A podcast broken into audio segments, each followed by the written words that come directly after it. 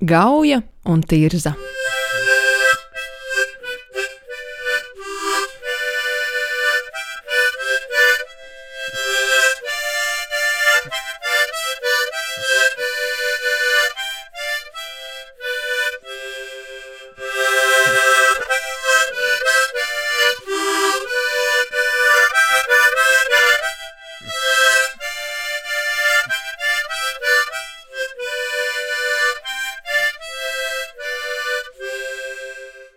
Divas māsas, Gauja un Tirza, pastaigājās pa laukiem.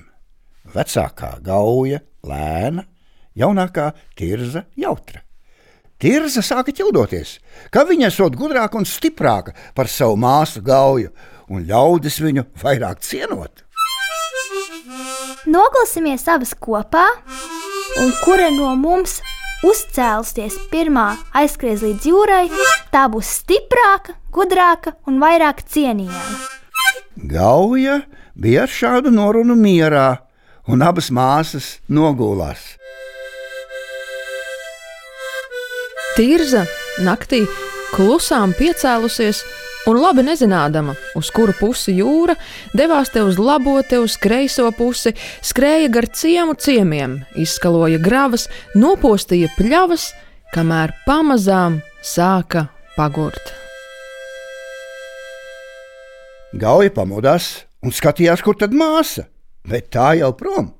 Manīdama, ka māsa uzņēmusi nepareizu ceļu, Gauja baidījās, ka nebēdne nenomaldās, un tāpēc viegli tecēdama devās tai pakaļ un panāca to pie liesas ciema. Kāpēc tu negaidīji rīta ausmu? Ak, kā es man vairs neklausa! Nedusmojies, māsiņa, tu esi tiešām gudrāka par mani. Es arī uz priekšu man par māsu. Ņem man savā klēpī un es sev līdzi uz jūru.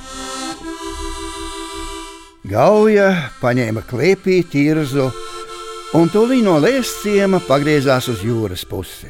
Abas māsas devās pa skaistākajām Latvijas vietām, gar Valku, Siguldu, Krimuldu, Ropažiem un pa labi no Juglas un Rīgas uz jūru. Bet Tirza vēl nevar un nevar norimt.